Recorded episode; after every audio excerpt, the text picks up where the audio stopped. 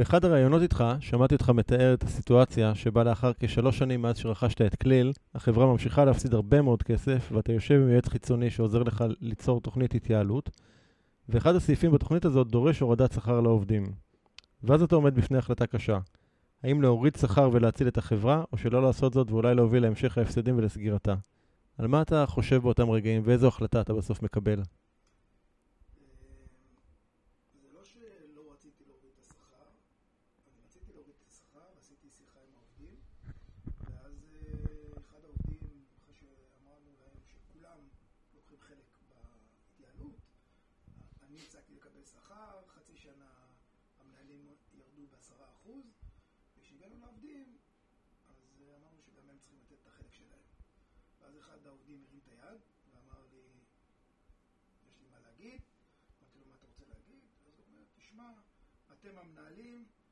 עושים את הטעויות, ואנחנו בסוף משלמים את המחיר.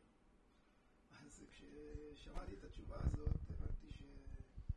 הבנתי את העניין הזה, ואמרתי, אתם יודעים מה? אנחנו לא נעשה את זה, לא נוריד שכר. אה, אם נגיע למצב שנהיה חייבים, אז נחזור אליכם שוב. והסיפור הוא שבסוף לא חזרנו אליהם ושכר לא ירד. אה, הדבר היחידי שהם כן אה, במהלך הזה, הם פשוט תרמו את אה, ימי ההבראה שלהם, שלושה ימי הבראה, שבכמות עובדים גדולה זה גם משמעותי. אז תרומה הייתה להם, אבל השכר לא ירד.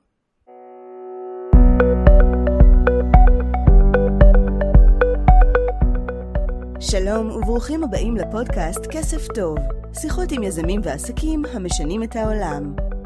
העסקים בעולם החדש פועלים בצורה שונה, הם מגדירים מחדש את כללי המשחק. הם מונעים מתוך תשוקה, להט וייעוד גבוה. על כל אלו ועוד תוכלו לשמוע כאן בפודקאסט כסף טוב, שבו ערן שטרן מראיין את האנשים שמפתחים עסקים שעושים טוב בעולם.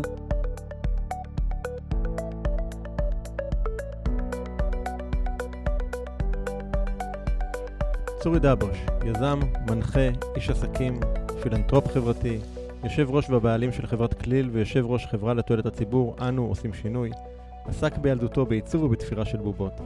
בתיכון הוא למד עיצוב אופנה, בצבא שירת בתותחנים, ונזרק מקורס קצינים לאחר שהרגיז את שאול מופז. בשיבוץ מחדש הוא נבחר להיות אחד ממקימי יחידת המגלן, שמכונה אז מברשת, ומעצב להם את סמל היחידה. לאחר שירותו כלוחם הוא מקים את מערך ההדרכה. לאחר השירות הוא מתחיל ללמוד עיצוב בבצלאל. לאחר שנתיים הוא נזרק מהלימודים ומקים חברה לפיתוח לומדות בשם היפרלוג. שעל בסיסה מוקמת חברת גיאו שלימים הופכת לחברת אמבלייז. בשנת 2000 ביצע אקזיט ויצא מהחברה. לאחר שיצא מההייטק רצה להקים קרן פילנטרופית ולהשקיע בחברה תעשייתית, וכדבריו, לעשות טוב כבעל המאה שהוא בעל הדעה. וכך בשנת 2001 הוא רכש את חברת כליל בכרמיאל שהפסידה כסף וניסה לשקם אותה. לאחר שלוש שנים המצב של החברה לא השתפר ונדרש שינוי משמעותי על מנת להעלותה על דרך המלך. לאחר שורה של צעדים לא פשוטים, החלטות קשות ושינויים, כליל עלתה על דרך המלך והפכה לחברה רווחית ומובילה בתחומה, עם שווי שוק של יותר מחצי מיליארד שקל. עם נאמנות גבוהה ביותר של עובדים, שגם בימי מלחמת לבנון השנייה, בשיא מטחי הטילים של חיזבאללה, המשיכו להגיע לעבודה ולדאוג שהמפעל ימשיך לייצר מבלי לפגוע בתפוקה. לאורך השנים צורי מקדם מהלכים לשיפור תנאי העובדים וההשקעה בקהילה, ועל כך גם זכתה כליל, זכתה כליל באות העסק הקשוב של ארגון קפיטליזם קשוב ישראל בשנת 2018, בהוקרה על התנהלות עסקית לאור ייעוד נעלה. ב-2019 כליל נכנסת לראשונה למדד 100 המותגים של גלובס, וחלון כליל מסדרת הבאו-האוס נבחר כמוצג מוזיאוני רשמי בתערוכת 100 שנים לבאו-האוס במוזיאון ישראל ירושלים. צורי גם יוזם הקמת פארק אקולוגי לפרפרים בשטח מפעל כליל על שטח של כ-15 דונם, בשיתוף החברה להגנת הטבע ועיריית כרמיאל. וואו, צורי, זה חתיכת ביוגרפיה. אני בטוח, אני בטוח. אז, אז בוא רגע נתחיל ככה מההתחלה. אתה תיארת בראיונות קודמים שקראתי איתך, שעוד בילדותך אהבת לתפור ולעצב בובות. אז איך מהמקום הזה מגיעים בסוף לנהל פעילות כמו כליל וכל הפעילות המרשימה הזאת?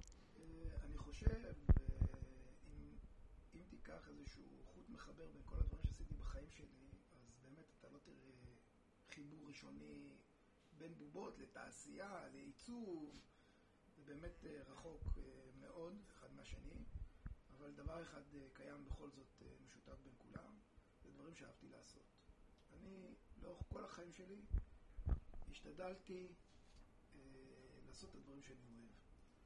וגם כששואלים אותי מה כדאי ללמוד, מה כדאי לעשות, איזה תחום עכשיו הוא בצמיחה, או שהוא יהיה אטרקטיבי בעוד כמה שנים, אני תמיד אומר, עזבו את זה, תעשו את מה שאתם אוהבים. יפה, אז uh, לפי הביוגרפיה המרשימה הזאת עשית הרבה מאוד דברים שאתה אוהב לאורך השנים, ובעצם בשלב יחסית, אני נקרא לזה, יחסית מוקדם בחייך, באמת הגעת למצב שאתה עושה אקזיט מחברת הייטק מאוד מאוד מצליחה, היית מה שנקרא מסודר לכל החיים. אה, מה, מה גורם לך בעצם ללכת ולרכוש אה, חברה, מפעל יצרני שעוד מפסיד כסף בתחום שהוא לגמרי, אתה יודע, אתה באת מההייטק, זה לגמרי לכאורה לואו-טק. מה, מה גורם לך לעשות מהלך כזה? עוד פעם, אהבה. אהבה משכה אותי לעשות את הדבר הזה. אני התחלתי עם רעיון של להקים קרן פילנטרופית כדי שתעזור לחברה. אה, היועץ של אותה תקופה אמר לי, תקשיב, אה, עזוב אותך מקרן פילנטרופית, קרן פילנטרופית זה לזקנים, תעשה משהו, אתה צעיר, תעשה משהו רציני. אמרתי לו, מה אתה מציע? אז הוא אמר, תשמע, קח מפעל בפריפריה, בקשיים, תעשה לו טרנראונד, וזאת תהיה התרומה שלך לקהילה, בצורה עסקית, חכמה, בריאה. אני מאוד אהבתי את הרעיון, זה מאוד התחבר לי לאג'נדה שלי ולמחשבות שלי, ואמרתי, הולכים על זה. ואז ראינו כמה אופציות, וכליל נכנסה לי ללב הראשונה. מה היה הדבר ש... שגרם לזה? זאת אומרת, מה משך אותך דווקא שם? מה שמשך אותי דווקא שם, אה, היו כמה דברים. אחד, אה, כליל עסקה בארכיטקטורה. אה, עושה חלונות, היא משפיעה מאוד על הארכיטקטורה, וארכיטקטורה זה מסוג הדברים שהם יחסית, יש להם אורך חיים גדול. אני באתי מעולם ההייטק, וכמו ש... כמו שכולם יודעים, אה, היום אה, גרסה לא מחזיקה ימים או חודשים. בתקופה שלי, אחרי שנה, שנתיים, כבר לא היית יכול להציג בכלל את מה שעשית. זה הכל היה נעלם. יש דברים מדהימים שעשיתי בשנת 94, אין לי סיכוי אה, להקריא אותם. אז אה, זה מאוד משך אותי, זה מצד אחד. מצד שני, החלונות נראו לי אה, חסרי עיצוב. כל החלונות נראו לי אותו דבר. והחלום שלי מהיום הראשון שקניתי את המפעל, להכניס עיצוב לתהליך הפיתוח. ובעצם זה משלב את האהבה שלך לעולם העיצוב. נכון. יפה. אז אתה, אתה רוכש את החברה, ואחד הדברים הראשונים שאתה עושה זה להגדיר איזשהו סוג של חזון שמתמצא במשפט לגרום לעובדים לחייך. בהמשך המשפט הזה מתרחב גם למה שאתם מגדירים כייעוד של כלי, לגרום לסביבתנו לחייך ולהיות גאים במעשינו. זה משהו שהוא קצת פחות שגרתי, בטח בעולם uh, עסקי, תעשייתי. איך זה מתקבל אצל העובדים, בעלי מניות, אתה יודע, הברנז'ה העסקית סביבך? איך מסתכלים על זה?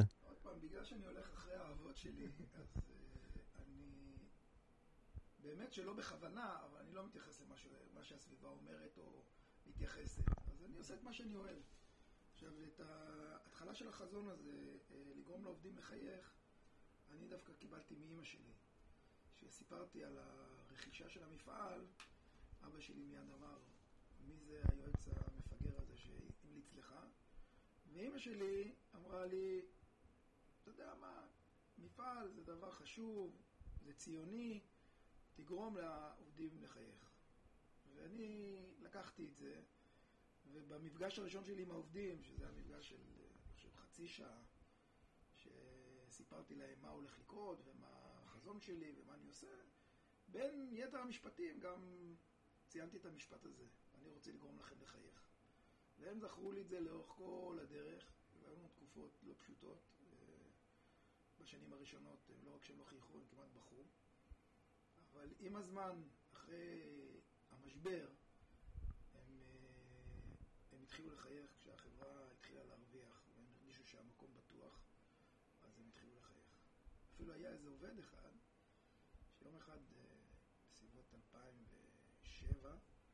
תופס אותי ואומר לי, צורי, תקשיב, אנחנו כבר מרוויחים, אנחנו כבר מחייכים, אבל מתי אתה תחייך? אמרתי לו, אמרתי לו, אני אחייך ביום שאני אתחיל לקבל דיבידנדים מהחברה, וזה קרה ב-2008. מדהים. אז איך, איך הייעוד הזה של uh, לגרום לסביבתנו לחייך מופיע ביום-יום שלכם? בפעילות היומיומית? זה בעיקר בקבלת החלטות, אה, החלטות גדולות. אנחנו שואלים את עצמנו האם זה יגרום לפלוני או אלמוני לחייך או לא. אה, והרבה פעמים אתה מקבל החלטה ואתה אומר, רגע, אם אני אקבל את ההחלטה הזאת, סקטור מסוים לא יאהב את זה, לא יחייך. ואז אומרים, אוקיי, בואו ננסה לראות איך אנחנו משנים את ההחלטה או מזיזים את ההחלטה, שאולי הם לא לגמרי יחייכו, אי אפשר שכולם יחייכו כל הזמן, אבל לאזן את ההחלטה. יש איזו דוגמה קונקרטית שאתה יכול ככה לשתף, למשל אה, אחת ההחלטות הגדולות שקיבלנו שהייתה משמעותית, היו כמה כאלה, אבל אחת, ב-2005, אחרי היציאה מהמשבר, הרווחנו, הרווחנו כמה מיליונים, והייתה לנו החלטה האם לבוא עם הרווח הזה לבורסה ולהראות, הנה, יצאנו לדרך המלך, או לחלק את הבונוס לעובדים. אה, וידענו שאנחנו לא יכולים לעשות את שניהם, כי אם נעשה גם וגם, אז בבורסה זה ייראה קצת, ולעובדים זה יהיה קצת. אז היינו צריכים לבחור. זאת אומרת, או, או להציג לבורסה רווחים יפים, או לחלוק את זה עם, ה- עם העובדים בעצם, את ההצלחה. ואז אה, החלטנו לחלק ל- לעובדים את הבונוס, ו- וזה גרם לחייך. עכשיו תגיד לי, אז אוקיי, בטח המשקיעים לא חייכו באותו זמן, אבל הם לא ידעו שהרווחנו כל כך הרבה וחילקנו את זה לבונוס באותה תקופה. אז אז בסופו של דבר הצליח. ו- ובדיעבד לא קיבלת נגיד מבעלי מניות, כאילו כל מיני ככה הרמת גבה על מה זה הדבר הזה ועל צעדים האלה. אנחנו, עד 2010, אה, זה לא היה חזון רשום, זה היה אה, משפט שרץ בחברה. לגרום לחייך, לגרום לחייך, לגרום לחייך. ב-2010 כתבנו את החזון והוספנו את ה... והגדרנו את זה בצורה מסודרת. בשיתוף, דרך אגב, החזון מוגדר יחד עם העובדים והמנהלים, כולם ביחד. דרך אגב, הגדרנו את החזון הזה תוך אה, יומיים או שלושה. זאת אומרת, זה היה משהו די, די מיוחד, כי בדרך כלל, כשחברה מגדירה חזון, זה לפעמים יכול לקחת שנה. ו- ו- והרבה פעמים זה נעשה בחדרי חדרים של צוותי מנהלים, וזה לא יורד לעובדים למטה.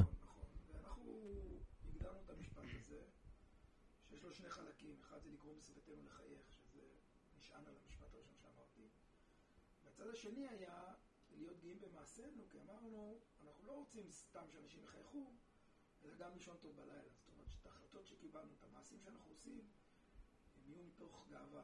שנוכל להגיד, קיבלנו את ההחלטה, אנחנו גאים בהחלטה, או גאים במה שעשינו, בדרך שעשינו. עכשיו, אם אתה שואל אותי מה, מה קרה מול אה, משקיעים, המשקיעים, שהיינו במצגת תמיד השקף הראשון או השני מגיע לחזון, והם היו די סקפטיים, כאילו, מה, מה זה לחייך, מה, תספר בדיחה, יחייכו, מה, מה זה הדבר הזה? אבל ככל שעבר הזמן, הם התחילו להבין את העומק של המשפט הזה, והם הבינו שזה לא סתם לחייך, זה לחייך מתוך משהו עמוק. שזה ומעניין איך, איך זה פוגש את הלקוחות, למשל, העניין הזה של החזון, זה משהו שהם חשופים לו, איך זה, איך זה מורגש מהצד השני של הלקוח? אה, לקוחות, לפעמים, אה, שירות לקוחות.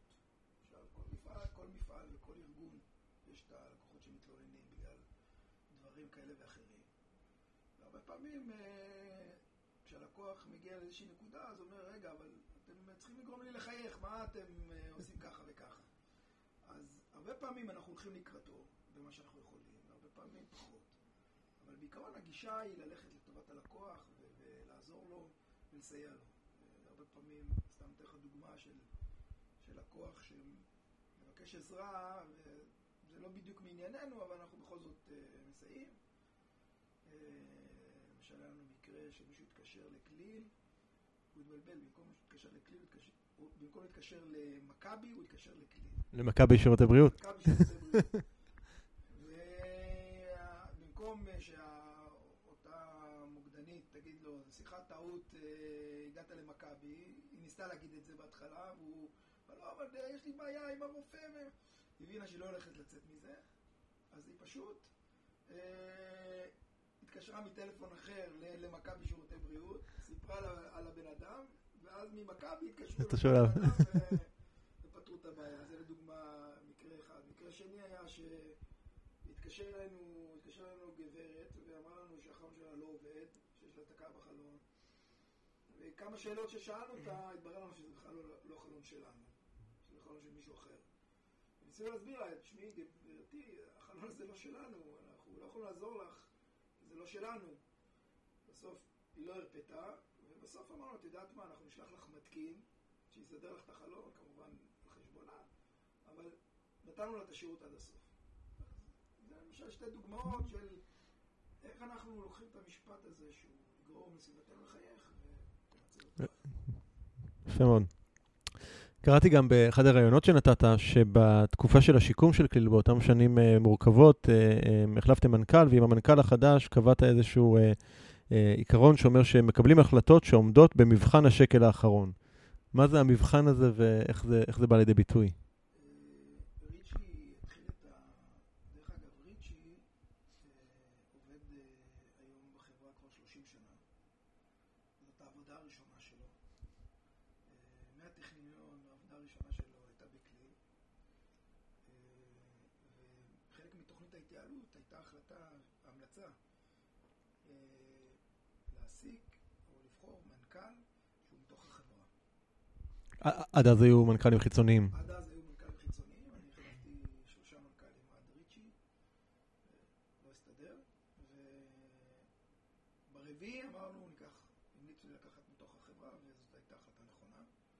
ואז כשהוא, בימים הראשונים שלו בתפקיד, הוא אמר לי, תקשיב, אני, יש המון הוצאות, תן לי איזשהו מבחן או איזשהו קריטריון, איך אני מחליט אם אה, לאשר את ההוצאה או לא לאשר את ההוצאה.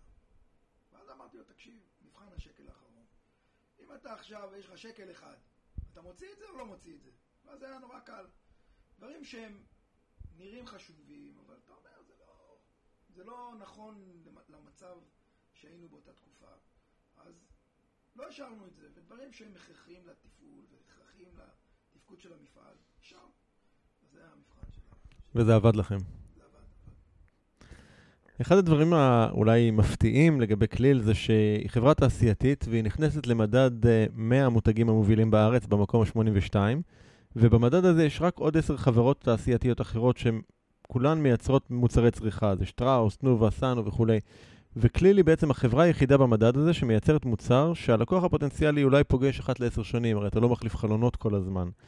זה משהו שהוא נשמע קצת אה, לא, לא קשור, איך עשיתם את זה? תשמע, זה, זה, זה הישג מדהים, זה הישג מדהים ל- לחברה מהסוג שלנו, זה הישג מדהים. אה, כשהתחלנו לפרסם בטלוויזיה ב-2006, אמרנו, היעד שלנו זה להיכנס למדד של 100 מותגים.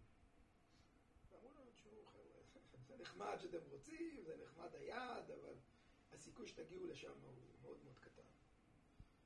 אמרנו, למה? אמרו, תקשיבו, קודם כל, התקציב הפרסום שלכם ביחס לכל ה- אלה שנמצאים במדד הוא מאוד מאוד נמוך. זה אחד. דבר שני, המוצר שלכם הוא לא מוצר צריכה, צריכה שלקוח נפגש איתו ביום-יום. אז זה מאוד קשה. ודבר שלישי, חלון, עם כל הכבוד, זה דבר משעמם, זה לא מכונית, זה לא... אה, בסדר, ולקחנו את זה בתור אה, עלבון קטן, אבל אני חושב שמה שגרם לנו להיכנס למדד זה ההתמדה. אנחנו מ-2006, כל רבעון עולים לטלוויזיה עם קמפיין טלוויזיה. כל רבעון, כל רבעון, כל רבעון, ואנחנו מודדים את עצמנו לפני ואחרי כל קמפיין, ואנחנו רואים איך אנחנו עולים לאט, לאט, לאט, ממש אחוז, אחוז וחצי, אחוז, אחוז וחצי, אחוז, אחוז וחצי, ובסוף הגענו לתוצאה שהגענו, אנחנו הגענו לתוצאה מטורפת של top of mind של אה, 75 אחוז מקהל המטרה, שזה, מי שמבין את המספרים של שיווק, זה מספרים שהם יוצאי דופן ברמה של מותגי על, לא מדבר על שזה מרבה, אם אני מבין נכון, שבעצם ש-75% מהאנשים שמתעניינים בתחום מכירים את המותג שלכם. כן, לא, זה, זה, אם אתה שואל אה, איזה חברה שמייצרת חלונות אתה מכיר, אה, אז אומרים כליל. אז אומרים כלי. מדהים. ראשון. כי יש גם אה, מצב שזה נקרא לא top of mind, זה אם אומרים, אומרים כליל, אבל לפני זה אומרים משהו. אחר. אז זה זה לא טוב. זאת אומרת, זאת אומרת, החברה הראשונה שזוכרים אותה. החברה הראשונה שמציינים אותה. כן. מדהים. ו- וזה לא הדבר המפתיע היחידי לגבי חברה שלכם, יש עוד דבר מפתיע, זה שעברתם אה, יחד עם כליל ממצב של פריון של 9 דולר לשעה לפריון של 54 דולר לשעה, שזה יותר מהממוצע הארצי, זה יותר מהממוצע של ה-OECD, וזה משהו באמת יוצא דופן בעולם הזה. נכון. אה, זה יוצא דופן במספר, בתוצאה, וזה יוצא דופן בדרך. אה, הרבה פעמים בהרצאות שלי אני, אני מראה את, ה, את המצב היום, ואז אני רואה שהקהל לא מתלהב, אז אני מראה את השקף הבא, שמראה את ההתפתחות, ומראה איך הגרף כל שנה עולה, עולה, עולה, עולה, עד ל-54 דולר. וזה נובע מהרבה דברים. אה, זה נובע מהיחס לעובדים, זה נובע משיתוף העובדים ברווחים של החברה. אז עובד יודע שאם החברה מצליחה יותר, הוא מקבל יותר. אה, זה נובע מהשקעה בפרסום, זה נובע מהשקעה בפיתוח. זה המון המון דברים שמתלכדים בסופו של דבר למיתוג, לפריון, לרווחיות של החברה. הכל ביחד. זה, זה מעניין, הזכרת את העובדים, אני רוצה רגע לחזור לזה, כי בעצם אחד הדברים, אני הזכרתי את זה בפתיח, שבאמת אה, בתקופה מאוד מורכבת, כמו מלחמת לבנון השנייה, שאתה יודע, הטילים של חיזבאללה נופלים על כל אזור הצפון ויותר מזה, ועדיין העובדים, למרות שהם לא היו חייבים, וכבר נקבע בחוק שהם יוכלו לקבל פיצוי על לא להגיע לעבודה, הם עדיין מתעקשים להגיע לעבודה ולגרום למפעל להמשיך לתפקד אה, עד כמה שניתן, אה, כמו בשגרה. תשמע, זה, זה אחד הדברים שגורמים לי צמרמורת כל פעם שאני מדבר על זה. זה אחד הרגעים, אני תמיד אומר שמלחמה, אתה חווה אותה אחרת בתור ילד, בתור אה, תלמיד, בתור אה, חייל, בתור מילואימניק, וגם בתור איש עסקים, או מישהו שיש לו אחריות על כל כך הרבה משפחות. המלחמה הזאת הייתה מאוד מאוד בעייתית, מאוד, אה, מאוד אנשים לא ידעו מה עושים. אה, פיקוד העורף אה, לא היו לו הוראות ברורות. אמרו, למשל, נתנו הוראה שמותר לעבוד אם יש גג. אז התקשרנו לשאול האם גג פח בעובי של 4 מילימטר נחשב גג.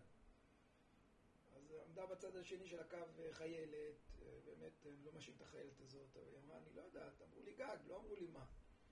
אה, זו דוגמה אחת, אה, למשל, למצב הכמעט בלתי אפשרי שהיינו. שהיינו בו. אה, אחרי זה יצאה החלטה ש, של הממשלה יחד עם התאחדות התעשיינים שהמעסיקים חייבים אה, לשלם ל, ל, לעובדים גם אם לא מגיעים לעבודה. כשאני שמעתי את זה, זה היה נראה לי, מי יבוא? אין הבדל, אתה בא, לא בא, אתה מקבל שכר. כן. וזה זה היה מדהים. אנחנו, קיבלתי טלפון מריצ'י שאומר לי, צורי, מה, מה, מה עושים? מה אומרים לעובדים? מה, מה נעשה עכשיו? אמרתי לו, תקשיב, אני לא מוכן לקחת אחריות אישית על העובדים, על החיים של העובדים, כי בסך הכל זה מסוכן. כן. אנחנו ניתן להם את הזכות לבחור. אנחנו נגיד לעו- לעובדים שהמפעל פתוח, מי שרוצה, שיבוא, מי שלא רוצה, שלא יגיע. אנחנו לא נרשום, לא נעשה רשימות, מי שרוצה שיבוא. ובאמת, ההזמנה הפתוחה הזאת אה, גרמה לעובדים אה, להגיע. ואני חושב ששלושה חודשים קודם, ההחלטה לחלק את הבונוס, זה היה בדיוק אה, סוף, סוף אה, אה, התוצאות של 2005 מתפרסמות ב- בתחילת אה, 2006, בסביבות אה, מרץ. כן, מרץ אפריל. כן. והמלחמה הייתה... אה, שלושה, ארבעה חודשים אחר כך, כן. אני לא יודע אם זה קשור, אבל אני חושב ש... שהעובדים מרגישים את, ה... את הפידבק. אתה נותן, אני מאמין שאתה מקבל חזרה. במקרה הזה זה היה... כאילו, אם הם לא היו מגיעים לעבודה, המפעל היה, היה נגרם נזק מאוד מאוד גדול, וספק אם היינו מתאוששים. זה מדהים, מדהים. יש, אה, יש לך כבר הרבה מאוד אה, שנים של אה, ניסיון ו- והישגים ותוצאות, ויש גם, אני מניח, גם כישלונות בדרך, לא, לא מכיר מישהו שאין לו כאלה. יש איזה טעויות או כישלונות שאתה מצטער עליהם?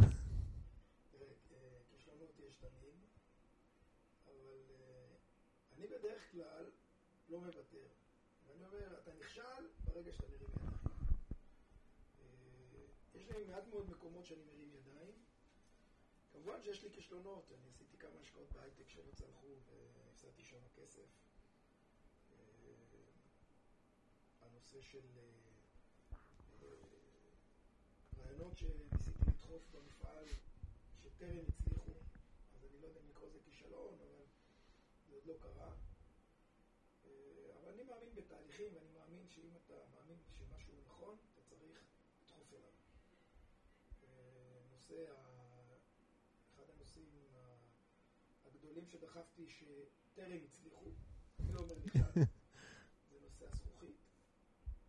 אנחנו יצאנו עם קמפיין מאוד גדול להעלות את המודעות לחשיבות הזכוכית בחלום, כדי לשדרג את הזכוכית לזכוכיות חכמות, שיודעות אה, לעשות בידוד טרמי יותר טוב ואקוסטי, ויש זכוכיות שהן גם וגם. אה, ובקטע הזה, למרות שהלקוחות מאוד מאוד אוהבים את זה, כשהם שומעים את המחיר של זה הם קצת נרתעים, אבל אני עדיין חושב, אם אני הייתי בעמדת המכירה, אני הייתי מכריח את הלקוחות, מכריח אותם לקנות את זה, כי זה שדרוג שמשפר את איכות החיים בצורה דרמטית. אז בזה עדיין לא הצלחנו, ותכון שכבר רצה כמה שנים טובות, הכמויות הן מאוד קטנות, אז אם אתה רוצה לקרוא לזה כישלון, כישלון לרגע זה. אוקיי. מה גורם לך לקום בבוקר? מעבר לשעון המעורר, אבל נדבר כאילו, מה, מה מקים אותך מהמיטה בבוקר? אני חושב שזה מתחבר לתשובה של ההתחלה. אני מתעורר בבוקר כי אני יודע שאני הולך לעשות משהו שאני אוהב. וזו ההשכמה הכי טובה. שאתה יודע שמחכה לך משהו שאתה אוהב לעשות, אז, אז, אז אתה קם בבוקר. דבר שני שאני אוהב לעשות, ואני עושה אותו כל הזמן, זה כל הזמן לחשוב על שינוי, איך לשנות, לשפר, לייעל, בצורה נחמדה, בצורה כיפית, בצורה משתפת. אה, אני חושב שגיל הוכיחה את זה בתהליך שהיא עשתה, שהיא השתנתה מקצה לקצה, מחברה שהיא חברה תעשייתית, שמה שמעניין אותה זה למכור אה, פרופילים, לחברה שמוכרת חלומות ואיכות, ומוצר שהוא מותאם לכל, לכל לקוח. זה דברים שהם שינוי אדיר שכליל עשתה, שבצידו ההישגים של, של, של החברה. מי האדם שהכי השפיע על החיים שלך? תראה, אה, אני חושב שהרבה אנשים השפיעו עליי. לפעמים זה יכול להיות אה, משפט שאני שומע ברחוב, תגובה של מישהו יכולה להשפיע עליי. אבל מי שהשפיע עליי, לדעתי, בצורה הגדולה ביותר, זה אימא שלי ואבא שלי. אנשים מאוד מאוד ערכיים, מאוד מאוד... למשל, אני אתן לך דוגמה, אימא שלי, כשהייתי מביא לה את התעודה, אז היא לא הייתה מסתכלת על ציונים. זה היה פעם, אני לא יודע, עכשיו אני לא יודע אם זה קיים בתעודות, לדעתי כבר לא קיים, אבל פעם היה בתעודה סעיף שאומר, שומר על ציוד בית הספר, התנהגות. כן, יש, יש עדיין דברים ברוח הזאת, כן. יש משהו כזה. זה מה שעניין את אמא שלי. לא עניין אותה כמה קיבלתי בחשבון, או בהנדסה, או לא, לא יודע מה. לא אותה. שומר על ציוד בית הספר ומתנהג. זה מה שעניין אותה. אז, אז זה, ש... זה המסר שקיבלתי כל החיים שלי. אה, על התנהגות ולהסתכל על הסביבה ולהתחשב בסביבה מצד אחד.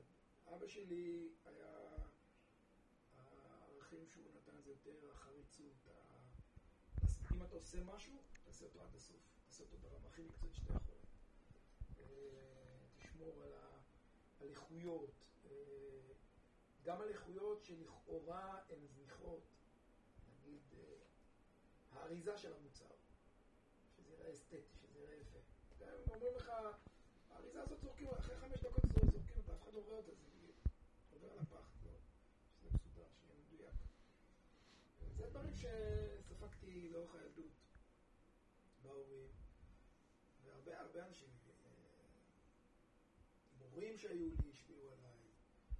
הייתה לי מורה לביולוגיה, שהיה לה פטיש לשאול שאלות. לא עניין אותה כלום. היה לנו מבחן, זה די, די הזוי מה שאני אומר עכשיו, אבל אני חושב על זה, זה גאוני, אולי אולי מישהו שומע סיפורים שיעשו את זה. במקום לענות על שאלות, תמציא אתה את השאלות. ותענה עליהם. לא, אה, רק להמציא את השאלות. רק להמציא את השאלות. וואלה. עכשיו, זה נראה פשוט, אבל פתאום אתה, יש לך נושא, ואתה צריך לחשוב על השאלות. תדע לך, זה, לא... לא לא טריוויאלי. זה לא טריוויאלי בכלל, זה נראה כאילו, אה, זה קלה קלות, אז בוא נשאל את השאלות, אבל לא, זה קשה.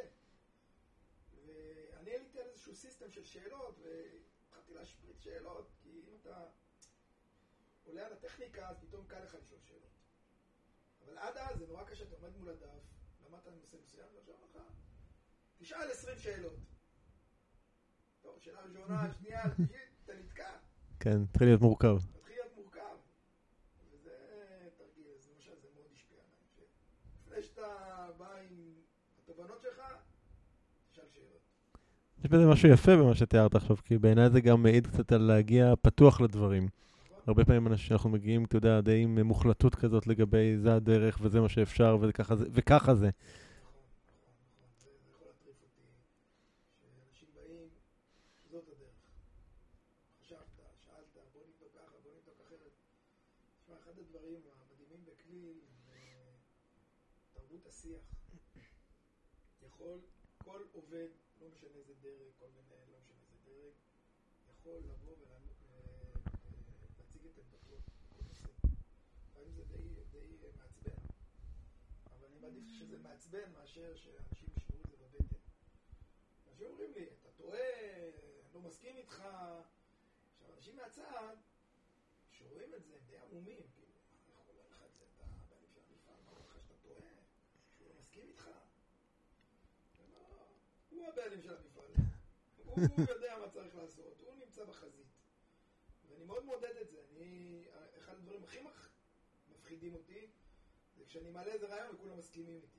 אומר, רגע, יש פה בעיה, לא יכול להיות. אני רוצה מישהו שיגיד לי, לא, אתה טועה, אתה צריך לשנות את זה, צריך להזיז את זה. כי תמיד כשיש התנגדות כזאת, דרך אגב, צומח מזה משהו הרבה יותר טוב. כשאתה מעלה התנגדות, אתה אומר, אוקיי, אז אם נעשה את זה ככה, זה? אם הוא אומר כן, פתרנו את זה, אם הוא אומר לא, אז מחפשים דרך אחרת, ואז הפתרון הוא משתכלל. ככל שיש יותר התנגדויות, אז הוא משתכלל. מדהים. יש איזושהי שאלה שככה עלתה לי פתאום תוך כדי, שהזכרתי את זה בפתיח וזה נראה קצת לא קשור. פארק פרפר, פרפרים? בשטח המפעל? איך, איך הגעתם לדבר הזה? טוב, כמו, כמו שכולם יודעים, כליל, בלוגו של כליל יש פרפר. אוקיי. ואז אה, בא אליי אה, אה, דני נטלר, שהוא הפרסומאי שלנו, ואומר לי, תגיד, מה דעתך שנעשה משהו עם פרפרים? אז אמרתי לו, למה אתה מתכוון? הוא אמר לי, בוא נעשה איזה משהו שיהיה במפעל, עם פרפרים. אז אמרתי לו, הבנתי אותך, אז בוא נעשה פארק של פרפרים. הוא היה עמום, כאילו, הוא אומר לי, מה פארק של פרפרים? אתה... מה, נפלת על השכל? מה, פארק של פרפרים? אמרתי לו, כן. ואז אה, פנו לחברה להגנת הטבע. זרקנו להם את הכפפה, אמרנו, תשמעו, אנחנו רוצים לעשות פארק של פרפרים במפעל.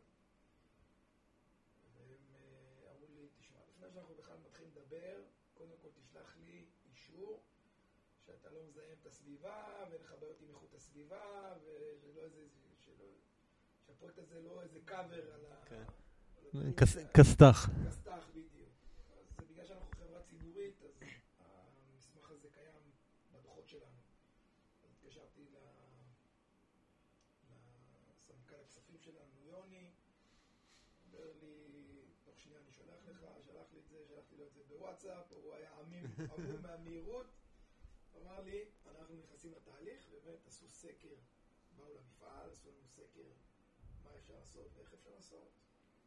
אה, בדקו איזה, איזה בעלי חיים כבר קיימים במפעל, ואז התגלה שבמפעל כבר היום יש איזה ארבעה חמישה זנים של פרפרים. שמסתובבים בשטח. מסתובבים בשטח, אומנם מעט מאוד, אולי זה ארבע חמש פריטים, רק פרטים, שתבין, השטח של המפעל הוא 110 דונם. Mhm. אה, זה שטח ענק. אבל הם אמרו, אפשר לעשות את זה, והביאו לנו תוכנית, והתוכנית היא, כל הזמן אני אומר להם, אתם בטוחים שהכל כאן פרפרים? כי זה לא אקווריומים שיהיו שם פרפרים, אתה יודע, כלואים כמו במקומות אחרים, שיש אה, פרפר, זה- נכנס- פתוח. לאיזה אקווריום עם מלא פרפרים? כן. ו- ו- לא. אצלנו זה יהיה פתוח. ואיך אני אומר לאנשים שלא מבינים מה... איך יגיעו הפרפרים? אני אומר, אנחנו נעשה להם, לפרפרים, בשיתוף חברה להגנת הטבע, אנחנו נעשה את הריזורט של הפרפרים. יהיה להם כל כך כיף להיות שם, שכל פרפר שיהיה בסביבה, יוצא לבוא.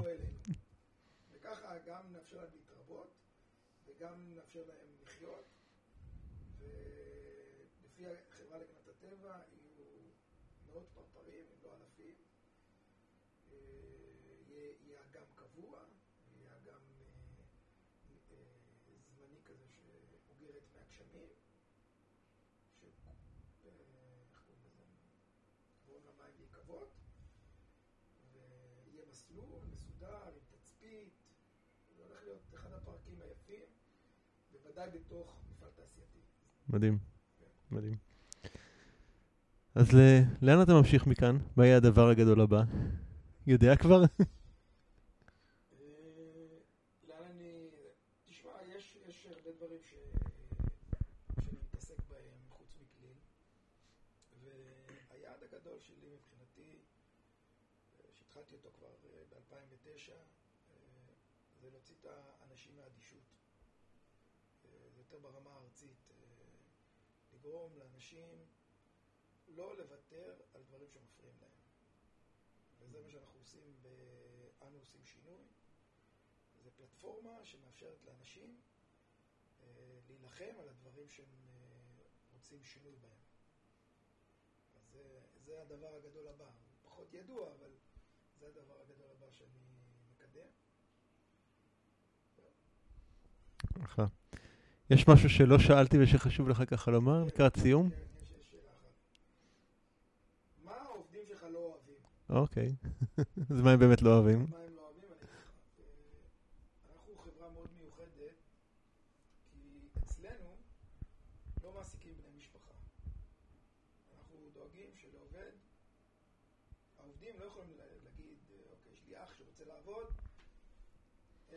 שמה- הרציונל מאחורי זה?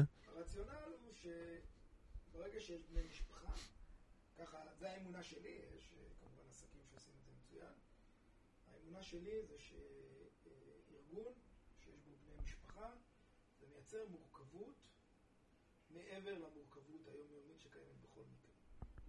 אח, הוא עכשיו אה, כפוף לעובד, למנהל אחר, מה עשית לאח שלי, למה התנהגת לבן שלי, לא מגיע לו, כן מגיע לו.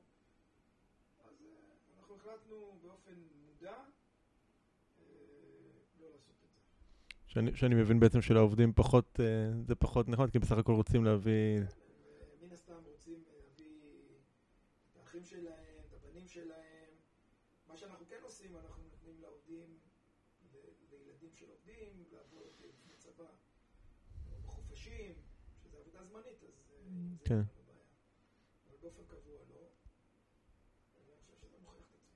אגב, היה באחד ה... אה, נדמה לי כתבות שעשו עליכם, דיברו על האחוז עזיבת עובדים המאוד מאוד מאוד מאוד נמוך אצלכם, שאנשים עובדים הרבה הרבה הרבה מאוד אה, זמן אצלכם. נכון. אה, הוותק הממוצע שלנו 17 וחצי שנה. וואו. שזה מדהים, בערך בתעשייה. בטח. אה, הרבה פעמים אה, כשאני מציג את הנתון הזה, אומרים, טוב, אין לעובדים שלכם אלטרנטיבה. אז זה- זה- זה מעליב. אבל אני אומר להם שזה לא נכון. זה לא נכון, אחד יש במקום אחר. אבל אנחנו כדי על. אה, אני מאמין של אני חושב שברמה האקסלית הוא יותר יקר, אה, אני מאוד מאמין בוותק הזה, אני חושב שהוותק הזה נותן אה, גם ניסיון, גם איכות מקצועית, אה, גם אה, חיבור ל- ל- למפעל, לחברה, לערכים. אה, ודבר שני, ה- ה- הוותק נובע מ- מזה שאנחנו, א', התנאים של העובדים שלנו הם מאוד טובים. אנחנו נלחמים על העובדים. אה, נלחמים ברמה של... אה, היה לנו איזה עובד עם, עם קשיים מאוד מאוד קשים במשפחה. היה לו כל, כל הסיפורים שאתה יכול לחשוב על בן אדם, הוא, היה בתוך הסיפורים האלה, גם ברמה האישית וגם ברמה הכלכלית. באמת סיפור מאוד מאוד קשה, והוא התחיל לא להגיע, ולא לעמוד ביעדים שלו, והסתובבה החלטה של לפטר אותו. אפילו הוועד השתכנע שכבר אי אפשר. ניסינו הכל, הוא לא חוזר למוטב, ואנחנו בתור הנהלה בכירה אמרנו, אנחנו לא מפטרים אותו. ונלחמנו עליו, כי ידענו שאם אנחנו נפטר אותו, עם כל הבעיות שהוא נמצא בהן, זה, זה באמת, זה גזר, גזר דין, לא, לא יודע מוות, אבל באמת, זה, אין לו סיכוי גם לצאת מזה. ונלחמנו איתו, ונתנו לו והתגמשנו, ובסופו של דבר נשאר בעבודה. ולימים, שנה אחרי זה, הוא פגש אותי במפעל, ואומר לי, תדע לך שאם אני הייתי במקומך, הייתי מפטר אותך. אבל הסיפור הזה מראה לך כמה אנחנו נלחמים וכמה אנחנו רוצים וכמה חשוב לנו. ואנחנו גם עושים עוד דבר שגורם לאנשים להישאר, זה שאנחנו משבצים עובדים קיימים ל, ל, לתפקידים שאנחנו מחפשים. זאת אומרת, אם נגיד אנחנו מחפשים תפקיד מסוים, קודם כל אנחנו מחפשים בתוך המפעל. והרבה פעמים זה לא נוח למנהל הישיר, כי יש לו בדרך כלל, זה עובד טוב, כן, מוכשר במשבצת שהוא נמצא. שמכיר כבר הכל ויודע. הכל, ופתאום אנחנו אומרים לו, אנחנו לוקחים לך אותו, מציעים לעובד שלך אה, תפקיד אחר, אה, וזה לא קל למנהלים, אבל מעניין אותנו העובדים, שיהיה להם אופק. ובדרך כלל, אם אתה מסתכל למה עובד עבודה, אז הוא עובד, הוא עוזב בגלל כמה סיבות. אחד, שכר. שתיים, התייחסות של המנהלים שלו, של הסביבה שלו. שלוש, הוא רואה שהוא לא מתקדם, הוא יודע שהדרך שלו היחידה להתקדם זה לעבור למקום אחר. אה, וזה אה, דבר שאני, כשאני בוויכוח, או שהמנהל אומר לי, לא, תעשה לי טובה, אל תיקח אותו ותמצא מישהו מבחוץ, אני אומר לו, תקשיב, אל תיקח את זה כמובן מאליו שהוא נמצא אצלך. כי הרי אם הוא לא יתקדם אצלך, הוא יעזוב אותך בכל מקרה, אז גם נפסיד אותו, וגם אה, נצטרך עכשיו לקלוט מישהו חדש, שצריך עכשיו ללמד אותו מאפס את כל הדברים. אז בדרך כלל אה, משתכנעים, ואנחנו רואים שכשאנחנו מזיזים את העובדים ומקדמים אותם, אז, אז אה, נשארים הרבה זמן. הרבה פעמים, דרך אגב, כשאנחנו מציעים לעובד, אנחנו אומרים, שמע, יש שם תפקיד אחר, יותר בכיר, רוצה לעבור אליו? אומר, לא, טוב לי איפה שאני נמצא. בסדר, הם לא מכריחים כמובן כן. לקדם בכוח. אם הבן אדם טוב לו איפה שהוא נמצא, אנחנו מרוצים כמו שהוא רוצה. תודה רבה, זה היה מרתק, ואני רוצה לאחל לך עוד הרבה מאוד שנים של עשייה פורייה, אה, עם הרבה מאוד משמעות, ובעיקר שתמשיך לעשות את מה שאתה אוהב.